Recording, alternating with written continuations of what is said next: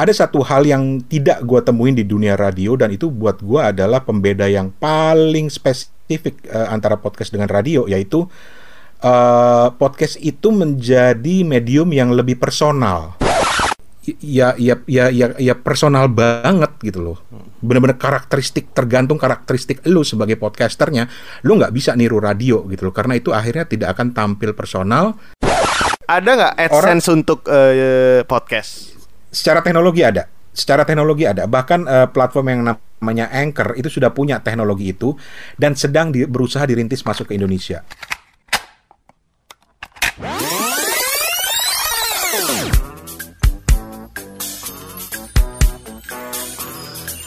The all new Reski Bicara.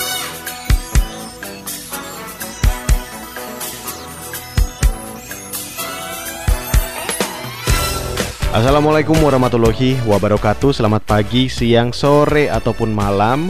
Alhamdulillah akhirnya gue kembali bisa menepati janji gue untuk upload setiap hari Jumat Dan hari ini tanggal 6 November 2020 Kembali Reski Bicara jadi temen lo Siap-siap menikmati weekend dengan satu pembahasan yang oke okay, menurut gue Dan seperti janji gue di minggu lalu gue mau ajak lo untuk ngobrol dengan salah seorang expert di bidang broadcast. Dia ini banyak banget profesinya.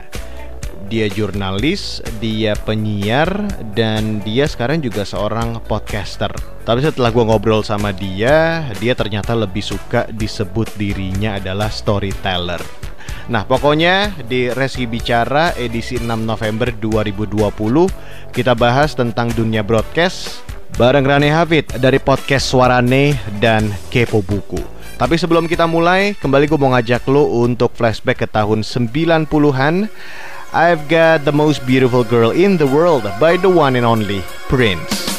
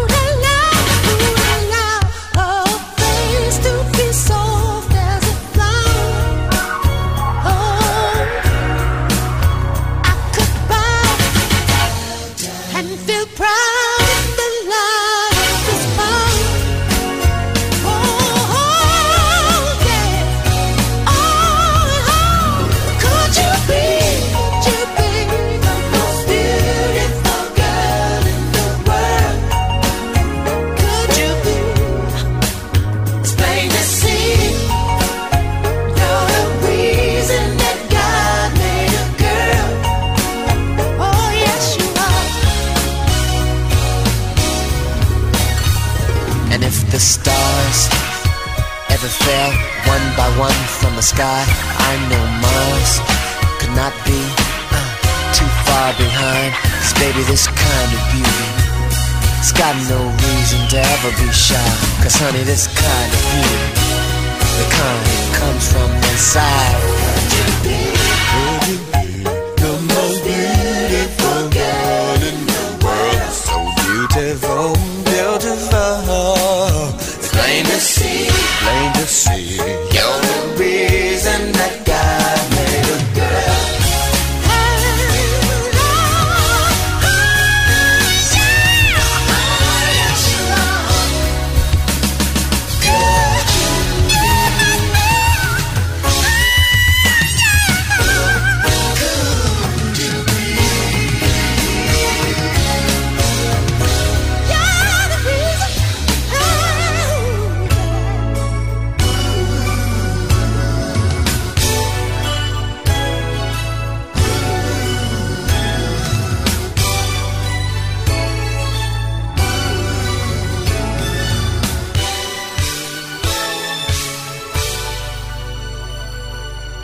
I've got Prince with the most beautiful girl in the world Anak 90-an pasti tahu ya lagu ini Pasti banyak juga yang pernah pakai lagu ini buat ngegombalin orang Well, pokoknya di episode kali ini gua nggak mau ngajakin lo ngebahas tentang gombal-gombalan. Di episode kali ini gua mau ngajak lo ngobrol tentang dunia broadcast. Kalau gitu langsung aja kita ngobrol bareng salah satu mbahnya podcast di Indonesia.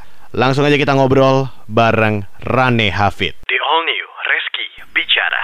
Oke, thank you banget Mas Rane Hafid udah mau mampir di Reski Bicara. Ini Sama-sama.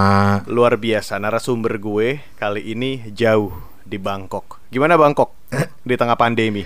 Bangkok pandeminya sekarang udah nggak terlalu jadi perhatian sih. Yang jadi perhatian justru demo-demonya Oh sekarang. iya, gimana gimana tuh demo kan agak-agak agak-agak ekstrim demonya ya. Lumayan, tetapi eh gue s- lagi suka ngamatin gitu. Karena pola pergerakan mahasiswa ini unik gitu loh. Pindah-pindah dari status stasiun ke stasiun lain. Eh, nggak nggak bisa ketebak gitu pergerakannya. Tiba-tiba ngegede di sini terus pindah lagi ke sini. Eh, sempat ngibulin aparat juga karena bilang mau bikin acara di sini. Totonya nggak ada yang nongol gitu. Gila gue bilang keren banget gue bilang. Jadi kayak ini ya. Jadi kayak beda kalau di Jakarta kan terpusat tuh ya di sekitaran istana. Kalau di sana nggak nggak unpredictable berarti ya. unpredictable. Mereka tuh bisa bisa gitu loh. Gue nggak ngerti gimana cara koordinasinya. Tiba-tiba eh, hari ini bilang kumpul di semua stasiun totonya nanti yang blow up di stasiun mana gitu. Karena mereka pakai stasiun eh, BTS di sini istilahnya ya Skytrain gitu yang jadi basis mereka. Gitu. Jadi kita tuh selalu mantau nih wah hari ini tutup berarti demonya dari sekitar-sekitar sini nih. Dan demonya walaupun gede gitu tapi tapi nggak nggak rusuh gitu loh. Nggak nggak sampai ada korban atau segala macem. Ya mudah-mudahan lah segera berakhir. amin. Karena kita juga kan nggak tahu nih nanti pos demo apakah ada klaster baru kan kita nggak tahu Nah, itu yang juga ditakutin di Jakarta. Tapi kali ini gua nggak mau ngajak lo ngobrol tentang COVID karena bukan specialty lo, gue tahu. siap karena kalau gue baca dari biografi lo tuh uh, Rane Hafid, seorang wartawan, broadcaster, penyiar, dan se- sekarang jadi podcaster. Ada yang kurang nggak tuh? ah gua makanya kalau ditanya-tanya lu sebenarnya apa sih gue bilang gue cuma ini doang kok story- storyteller aja Storyteller. Oh iya, gue lupa tulis storyteller. Karena gue suka pakai istilah itu karena apa? Itu kan mencakup segala macam uh, platform kan lo mau main di Twitter kayak di apa kayak basically itu kan semuanya st- storytelling gitu. Sama lah kayak lu juga. Nah ini menarik banget nih karena yang gue tahu seorang Rane Hafid itu adalah broadcaster. Ngomongin tentang broadcaster, pasti setiap orang pasti punya cerita ya kenapa dia akhirnya memilih sebuah profesi. Nah kalau lo sendiri ada nggak sih sebetulnya cerita yang akhirnya mengantar seorang Rane Hafid menjadi seorang broadcaster? eh kalau gue inget-inget ke belakang sebenarnya itu di bawah sadar gue emang eh, sudah dekat dengan dunia broadcasting. Kenapa gue bilang di bawah sadar? Karena dari kecil gue udah besar dengan radio.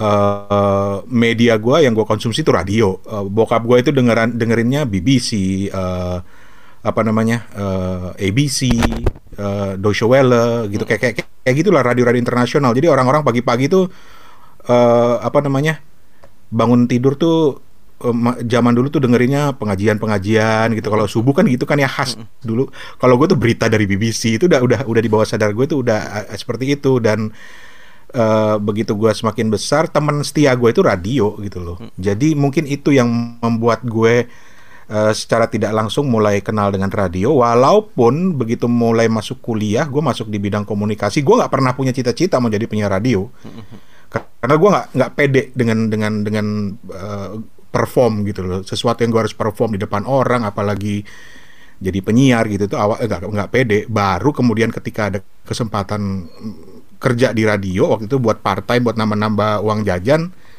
baru oh asik juga ternyata dunia ini gitu loh. Jadi gue mulai seriusin di situ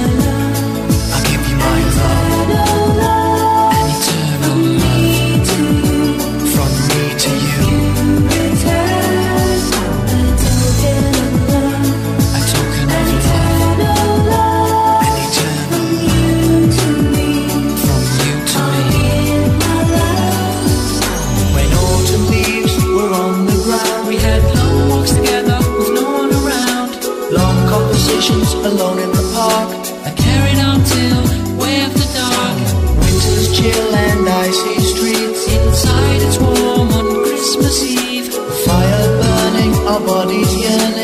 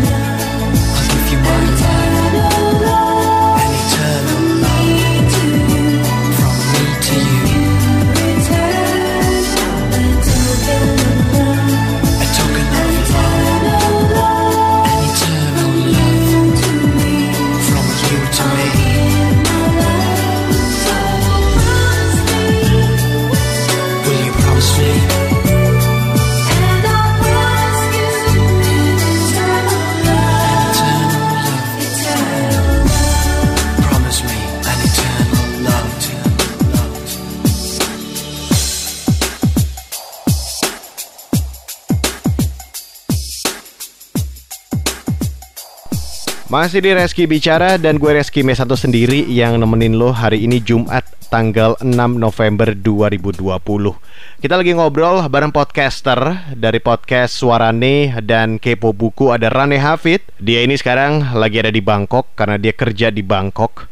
Dia lumayan oke banget loh karir broadcastnya Udah pernah ke mana-mana Pernah ke Jepang, Singapura Dan sekarang ada di Bangkok Mungkin lo semua penasaran kenapa seorang penyiar yang sudah cukup punya pengalaman atau experience yang luar biasa terus sekarang beralih ke dunia podcast. Padahal podcast sendiri kan belum bisa menjanjikan apa-apa. Ya udah langsung aja kita dengerin alasan seorang Rane Hafid kenapa dia akhirnya mau terjun ke dunia podcast. The all new Reski Bicara. Gue pingin nanya dari seorang broadcaster, storyteller yang sudah ke mana-mana, sudah melalang buana, sudah ke Singapura, Jepang, dan sekarang ada di Bangkok. Gue juga pernah tahu lu pernah wawancara salah satunya atlet bulu tangkis dunia juga pernah lu wawancara. Kenapa akhirnya lu memilih untuk menjadi seorang podcaster? Ah, Oke, gue kenal podcast sudah lama sebenarnya karena kerjaan di radio juga kan waktu itu. Tapi eh, kemudian gue mulai serius untuk bikin podcast sendiri itu semakin serius itu justru ketika gue udah nggak di radio gitu. Gue selesai dari radio Jepang balik, terus gue bilang gue pengen tetap eh, dengan dengan semangat seperti ini. Akhirnya gue bikin macam-macam lah idenya mau bikin majalah udara lah segala macam lah gue bikin. Tapi akhirnya sekarang gue niche, gue sempitin banget lebih kepada suarane podcast yang sebenarnya itu lebih sharing tentang dunia podcast dan dunia audio gitu sama kepo buku karena itu minat gue gue gue suka eh, eh, buku jadi ya gue ngobrolin buku di podcast gue yang satu lagi jadi jadi tinggal dua itu aja yang menjadi minat gue sekarang Nah, mungkin bisa eh, pertanyaan gue masih masih belum terjawab sih sebetulnya. Oh. Dari seorang dari seorang broadcaster nih, gue pun mengalami dari seorang penyiar akhirnya memilih jalur seorang podcaster ini kan bisa dibilang totally different ya dibanding Hmm. kita siaran di dalam studio siaran. Kenapa lo akhirnya yaudah deh gue jadi podcaster deh sekarang gitu. Eh ya oke pertama karena kangen terus terang gue kangen siaran kangen ngoceh di depan mic gitu ya. Eh, tapi yang kedua itu gue merasa kalau dengan podcast gue bisa punya kendali penuh sama program gue. Gitu loh.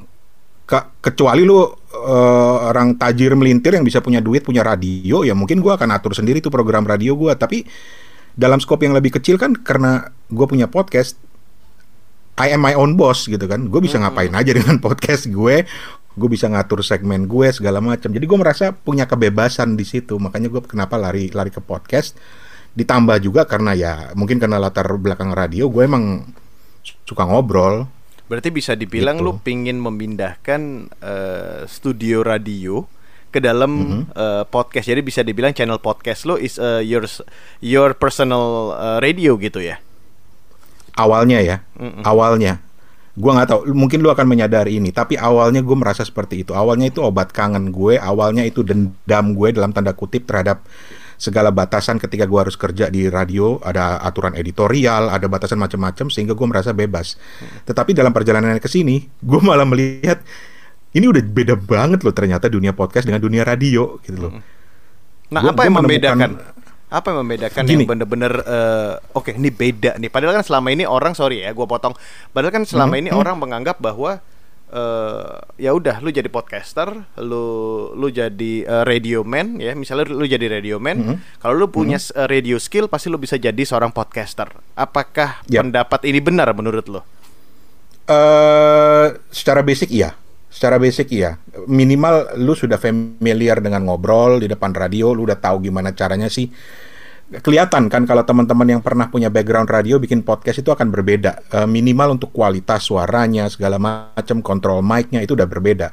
Cara dia mengemas programnya itu berbeda. Tapi ada satu hal yang tidak gua temuin di dunia radio dan itu buat gua adalah pembeda yang paling spesifik eh, antara podcast dengan radio yaitu eh, podcast itu menjadi medium yang lebih personal. Walaupun gini, eh, walaupun banyak yang memang membuat podcast dengan gaya radio, gitu ya. Tetapi buat gue kekuatan podcast ini ini subjektif gue ya. Kekuatan podcast itu ketika lu bisa menjadikan media itu media yang personal banget, personal lu dalam artian lu bener-bener eh, sebagai seorang eh, eh, air personality, sebagai seseorang yang punya karakter untuk menonjolkan karakter lu dan target lo itu benar-benar bagaimana eh, eh, eh, target audiens saya itu jadi lebih personal banget gitu loh. Bukan target audiens yang luas tapi benar-benar personal ke segmen tertentu bahkan kalau perlu ke orang tertentu gitu loh. Gue menemukan seperti itu. I don't know eh, mudah-mudahan lu bisa paham maksud gue. Tapi itu yang gua yang gua pikir akan membedakan eh, antara eh, radio dengan podcast gitu loh. Makanya eh, kalau lihat tren 4 5 tahun terakhir ini kan justru podcast yang menonjol itu adalah podcast yang benar-benar membawa karakteristik si si podcasternya.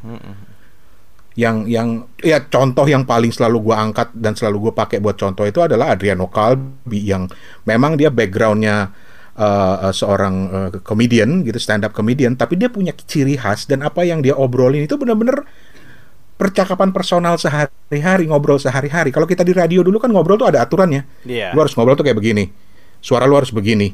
Lu nggak boleh ngakak lama-lama. Lu Durasi gini gini gini. gitu Kalau- ya.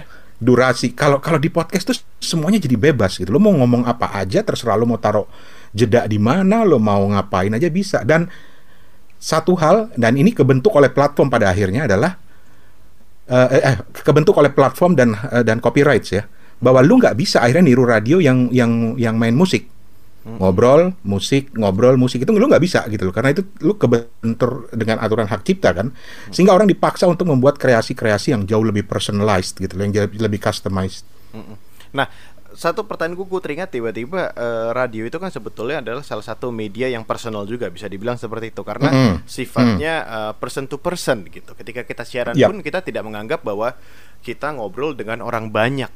Tapi lu menganggap Exactly. bahwa podcast is more personal than radio. Gue masih agak Ya. tanda tanya. Mungkin teman-teman di Hmm. Reski bicara juga masih tanda tanya. Gimana Oke, tuh Mas? gini. Eh ya memang betul teori kita di radio dulu kan gitu ya kita harus selalu dibilangin kan sama guru-guru radio kita lu harus bayangin lu lagi ngobrol sama satu orang gitu loh. Tetapi gua nggak tahu ya eh, penafsiran yang kemudian muncul adalah bahwa eh, eh, radio itu eh, adalah me- medium yang yang yang yang sama dengan mass media gitu loh. Bahwa lu menjangkau banyak orang eh, lu menjangkau audiens yang lebih besar ada segmen pendengar tertentu gitu loh. Eh, dan dan pada akhirnya eh, perkembangannya sekarang style delivery radio itu kan paling tidak yang gua lihat adalah memang mereka menjangkau banyak orang tidak personal gitu loh. Dalam artian eh, dari cara ngomongnya semuanya itu seperti seolah-olah se- oke personalized itu maksud gue dia menonjolkan karakteristiknya. Karena kalau kalau radio itu dia lebih menjadi semacam apa ya medium medium untuk eh, kayak show gitu. Jadi ngomongnya itu udah tertata eh, aturannya ada bersuaranya itu jelas seperti apa berapa lama ngomong gitu loh itu yang membuat gue berpikir bahwa itu sudah tidak personalized kecuali beberapa radio-radio yang memang masih menggunakan pola-pola talk ya. Eh, eh, itu pun eh, yang terbayang di gua adalah mereka memang seperti seperti ya mass media aja bahwa mereka menjangkau orang yang secara luas. Sementara podcast itu gua lihat kecenderungannya semakin ke sini eh, menjadi lebih personalized menjadi lebih apa namanya eh, eh, ya ya ya ya ya personal banget gitu loh. Benar-benar karakteristik tergantung karakteristik lu sebagai podcasternya lu nggak bisa niru radio gitu loh. Karena itu akhirnya tidak akan tampil personal itu tidak akan terdengar apa ya wajar gitu. Jadi kalau podcast itu bisa dibilang eh eh, bagaimana podcast itu di package ya seperti itulah citranya seorang po- eh, podcasternya gitu ya. exactly exactly all new Reski Bicara. Let me take you down, down, down to Rocket Town.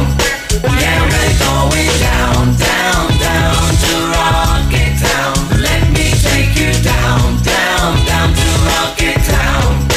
Yeah, we're going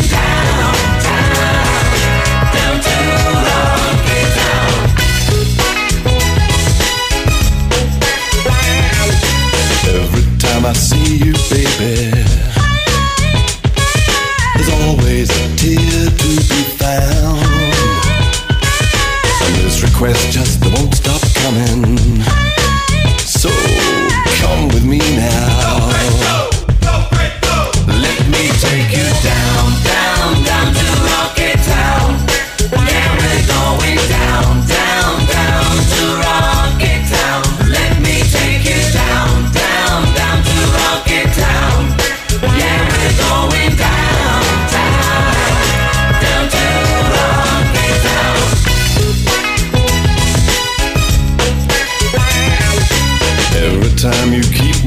Sing.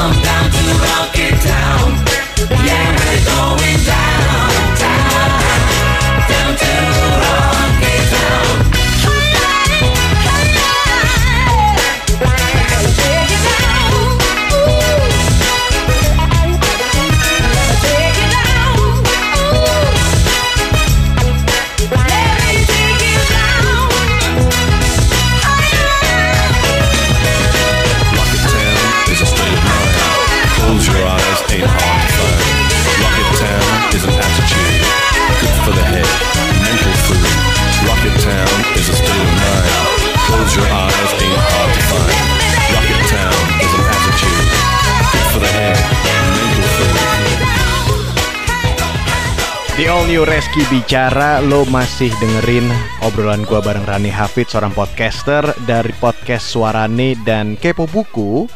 Dia di sekarang lagi ada di Bangkok Jadi waktu itu gua interview by online. Bener-bener bersyukur banget sama kemajuan teknologi ya. Kadang kalau dipikir kemajuan teknologi itu bener-bener bisa mendekatkan yang jauh. Tapi gua berharap tidak bisa menjauhkan yang dekat ya. Ngomongin tentang dekat-dekat, gue juga pengen deket sama lo semua yang dengerin Reski bicara. Jadi buat lo yang belum follow official Instagram dari Reski Bicara, ayo dong buruan di follow at Reski Bicara. Sekali lagi ya di at Reski Bicara. Kalau gitu sekarang langsung aja kita dengerin lagi obrolan gua bareng Rane Hafid. Kalau gitu ini ini ini akan menjadi satu pertanyaan yang seru banget mungkin. Ah, ah. Mungkinkah radio akan kalah sama podcast? Podcast kalah atau radio atau sebaliknya? Buat gua eh dari segi radionya dulu ya, karena gue juga orang radio lah.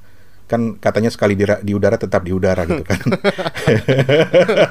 Kalau dari sisi radionya ya, buat gue nih, ini ini kritik gue lah ya. Kalau radio tetap mempertahankan style yang seperti sekarang ini, bisa kalah sama podcast. Gue potong dulu Gitu. boleh? Style yang kayak gimana nih mas? Boleh. Style yang sekarang dalam artian gini, eh gua gua kalau gua lagi mudik bahkan gua di sini pun media gua tetap radio, gua tetap suka radio kan. Eh eh, eh, stylenya itu benar-benar style eh apa ya gue bilang ya, seperti seperti seorang DJ gitu loh. Membawakan lagu, kemudian putar iklan, which is okay, fine. Kalau iklan sih nggak masalah, memang wajib gitu ya. Harus itu tetapi ya. harus itu itu harus. Tapi stylenya itu lebih seperti seorang DJ dan itu yang menjadi anggapan bahwa banyak orang bahwa radio itu seperti itu. Gitu loh. Sementara gua itu lebih eh, lebih menonjolkan radio itu sebagai unsur yang yang mengedepankan personality si penyiarnya.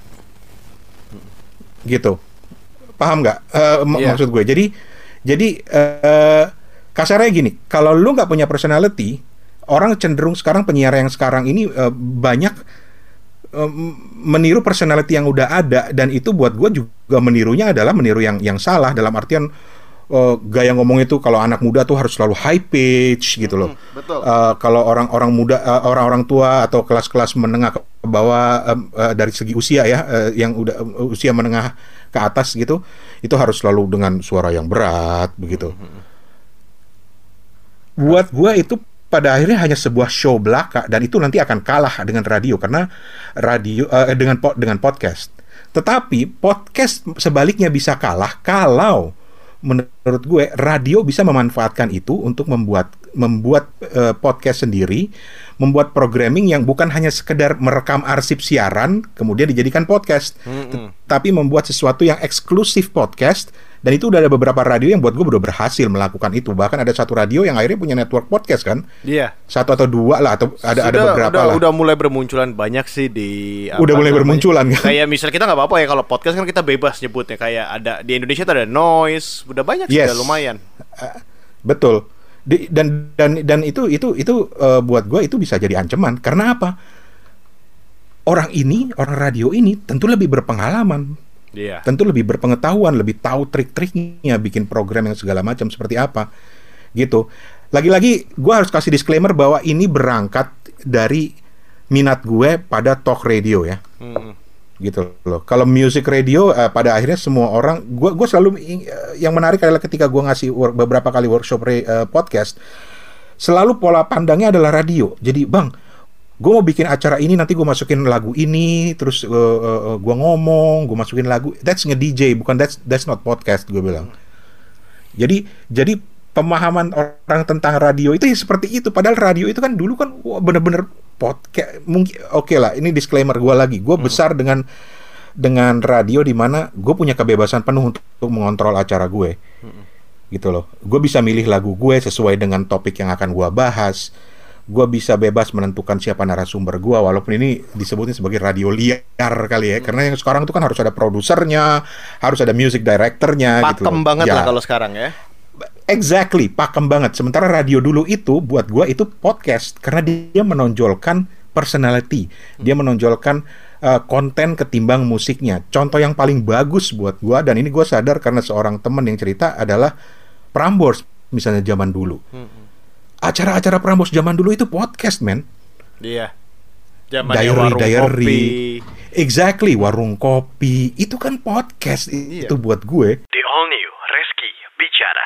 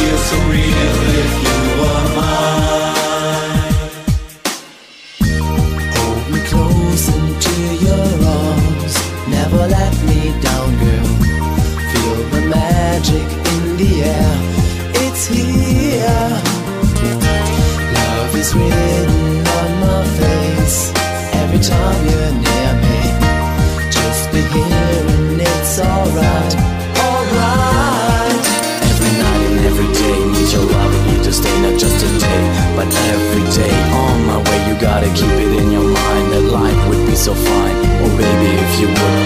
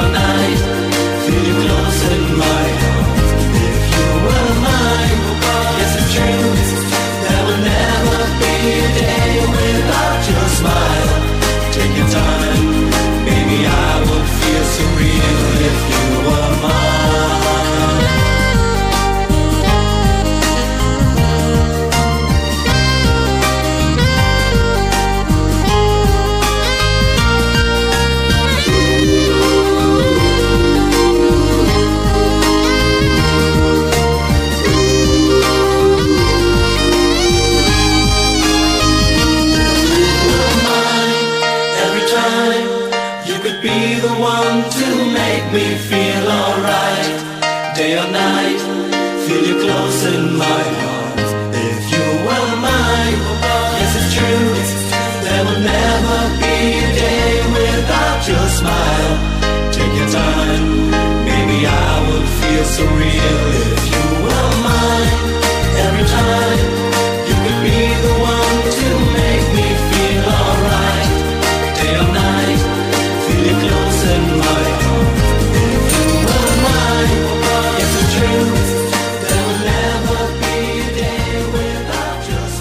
And that was coming from Bed and Breakfast with If You Were Mine di Reski Bicara. Kita masih ngobrol bareng Rane Hafid dari Bangkok dan tenang aja, gue bener-bener mematuhi anjuran pemerintah untuk melakukan social distancing and physical distancing. Ini kebukti banget. Gua melakukan interview ini melalui online. Oh ya, gue pengen ngingetin buat teman-teman Di mana pun lo berada, jangan lupa ya sama yang namanya protokol kesehatan 3M Menggunakan masker, mencuci tangan sesering mungkin dan sebisa mungkin menjaga jarak Dan satu yang harus lo ingat, memakai masker itu di mulut dan di hidung, bukan di dagu Kita lanjut lagi yuk dengerin Reski bicara bareng Rane Hafid The all new Reski Bicara. Menurut seorang Rane Hafid, serunya podcast itu apa sih? Selain lebih Serunya- personal ya. Ya, selain lebih personal, serunya podcast itu karena lu bisa bikin apa aja sih. Lu bisa me- me- me- berkreasi dengan sebebas-bebas lu hanya dengan berpatokan pada ingat eh, hanya dengan selalu mengingat bahwa ini adalah medium audio. Dan ketika lu ingat itu medium audio, ng- kemungkinan itu enggak enggak berbatas. Lu bisa bikin apa aja. Bahkan waktu eh, gua pernah ngasih workshop, ada yang nanya, gua lebih tertarik pada dunia kuliner yang perlu video. Gue bilang nggak perlu video. Lu bikin kuliner podcast itu gua gua rasa akan lebih menarik gitu loh ketimbang video. Lagi-lagi ini subjektif gue. Jadi jadi lu bisa melakukan banyak hal ketika lu ingat bahwa yang sedang lu medium yang lu gunakan itu adalah audio. Nah, kalau misalnya ini kembali lagi sekarang era digital, Hmm. orang sudah mulai eh, segala hal sudah dicoba serba digital, termasuk Hmm. mungkin ya eh, monetize, monetize untuk mencari eh, kerincingan dalam tanda kutip ya uang lah ya. Hmm, Apakah suatu saat eh, atau sorry, bukan itu pertanyaan nanti paling akhir, tapi Oke. eh, pertanyaan pertanyaan gua kali ini adalah apakah podcast bisa menjadi seperti YouTube atau apakah podcast menjadi ancaman untuk YouTube? Mungkin aja, mungkin aja. Ta- eh, walaupun sekarang youtuber juga banyak yang udah bilang gue podcaster kok. Sudah mulai karena ya? kan eh, iya, karena banyak juga kan eh, pola-pola podcast yang sekarang pindah ke YouTube kan. Iya, Jadi setuju. mereka sama seperti kita ngobrol kayak gini, bedanya ada audionya, ada visualnya. Mereka Ya, videoin gitu ya. Exactly, Uh, uh, you name it lah, Uh, Hmm. Gofar Hilman, Deddy Kobuzier, Abdel Ahrian, siapa aja semuanya itu kan polanya podcast sebetulnya. Iya. Karena mereka statis. Jadi yang membuat gue yang membedakan antara uh, uh, uh, uh, podcast video dengan dengan uh, vlog adalah kalau podcast video itu memang settingnya itu seperti podcast, ada mikrofon, ada orang ngobrol berdua gitu. Jadi jadi itu bisa eh, eh, j- jadi kalau dilihat dari sudut ancam mengancam ya it goes two ways. Dia bisa eh, eh, kalau kontennya tidak pernah diperhatikan dengan benar kualitasnya tidak diperhatikan dengan benar ya mungkin bisa menjadi ancaman gitu loh. Sebaliknya juga eh, sama eh, untuk untuk podcast juga seperti itu Kembali lagi ya, bicara tentang ketika sesuatu hal dilakukan hanya karena rutinitas, maka kreativitas itu pasti hilang. yes dan ini kadang-kadang bertabrakan juga sih dengan eh, eh, pertanyaan-pertanyaan yang sering gue dapet emang bisa buat nyari duit ya bang Nah, oke.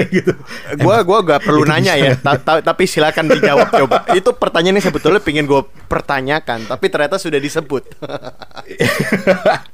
Iya karena kan karena kan ya ya ya gua nggak Ada nggak AdSense untuk eh, podcast?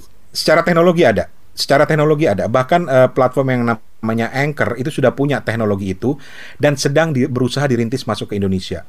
Terakhir kabar yang gua dapat itu adalah satu-satunya yang menghalangi dan itu sedang diusahakan adalah karena belum ada platform eh, payment payment eh, gateway yang yang yang cocok gitu loh. Hmm, oke oke. Begitu itu udah ada, itu udah bisa diduitin. Bahkan sekarang banyak podcaster Indonesia yang udah bisa mendapatkan duit walaupun belum besar ya dengan memanfaatkan sistem model AdSense di di di Anchor tapi dari Amerika. Karena di Amerika itu udah udah umum udah udah mulai udah mulai besar gitu pola itu gitu. Itu itu satu. Kalau lu berpikirnya dari sisi AdSense dan memang banyak generasi-generasi sekarang yang kemudian berpikir untuk mencari duit dari dari konten itu adalah model AdSense Karena kan yang Tapi gue kan lihat, karena yang gue lihat, sorry gue potong, karena yang gue lihat kan Ah? sekarang orang itu eh, berlomba-lomba untuk menjadi seorang youtuber.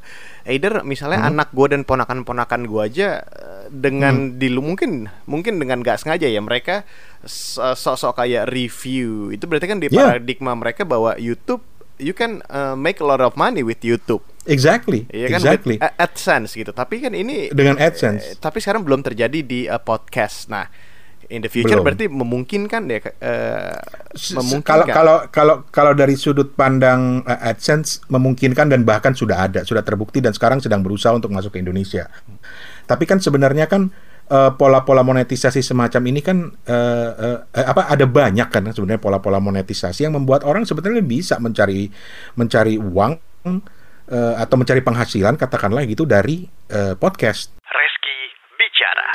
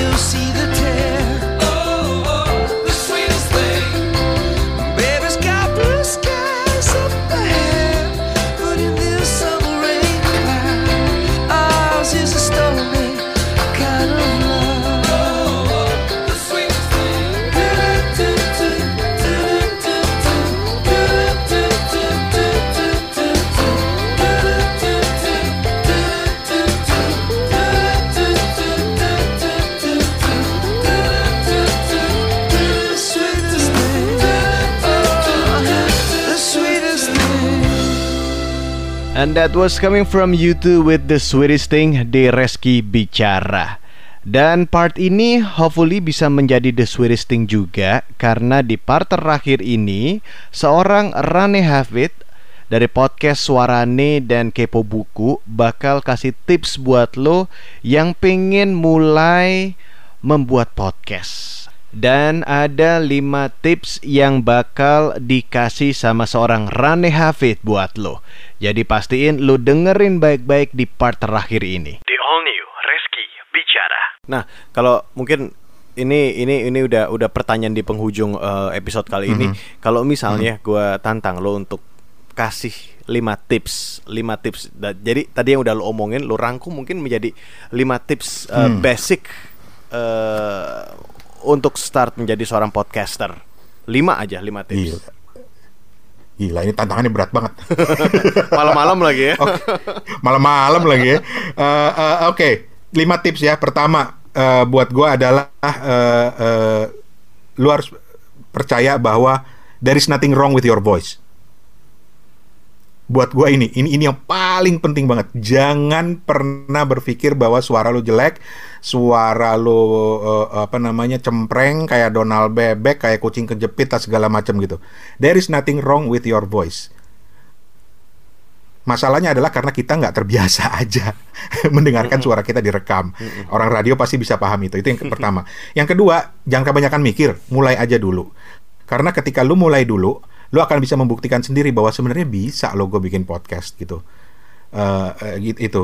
Yang ketiga, eh, try to always be organic. Dalam artian try to always be yourself. Eh, pakem untuk menjadi diri sendiri itu menurut gua adalah you have to be really organic bahwa jadi diri lu sendiri itu bukan diri lu sendiri yang kalau ngomong harus diberat-beratin, harus harus selalu cuawaan, harus ketawa. Jadilah diri lu sendiri dan itu akan otomatis menjadi organik gitu ya. Itu tips yang ketiga. Yang keempat nah, baru ma- masuk ke tahapan planning.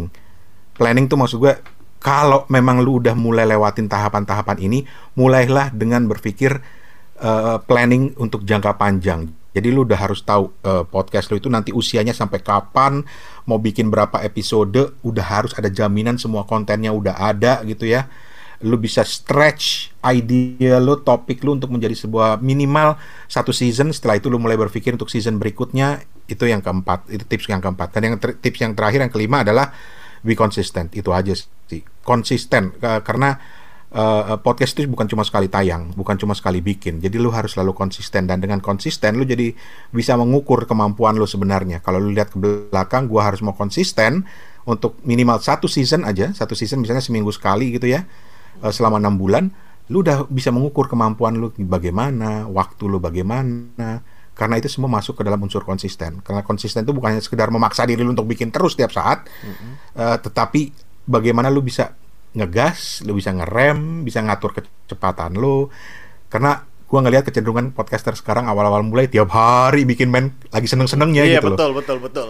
Iya kan? Dan gue langsung bilang, woi sabar bro, rem dulu bro, rem dulu, rem dulu. gitu. Bagaimana lu bisa menyebarnya kemudian itu sih tantangannya gitu buat gue. Jadi ya yang paling yang kelima itu konsisten. Anjir bisa loh. Mantap. gue pikir gak bisa gue dapetin lima. The all new Reski Bicara. Well, itu dia obrolan gua bareng Rane Hafid yang sekarang ada di Bangkok.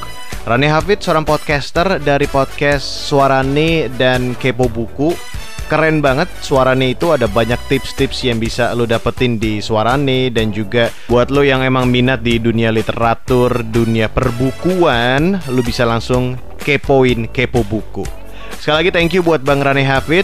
Mudah-mudahan buat lo semua yang lagi pingin merintis podcast, mudah-mudahan lancar. Dan ingat satu tips yang paling penting dari seorang Rane Hafid, konsistensi. Well, terima kasih buat lo semua yang udah dengar podcast ini dari awal. Kita ketemu lagi next Friday. Gua pamit dulu. Have a great weekend. Bye-bye.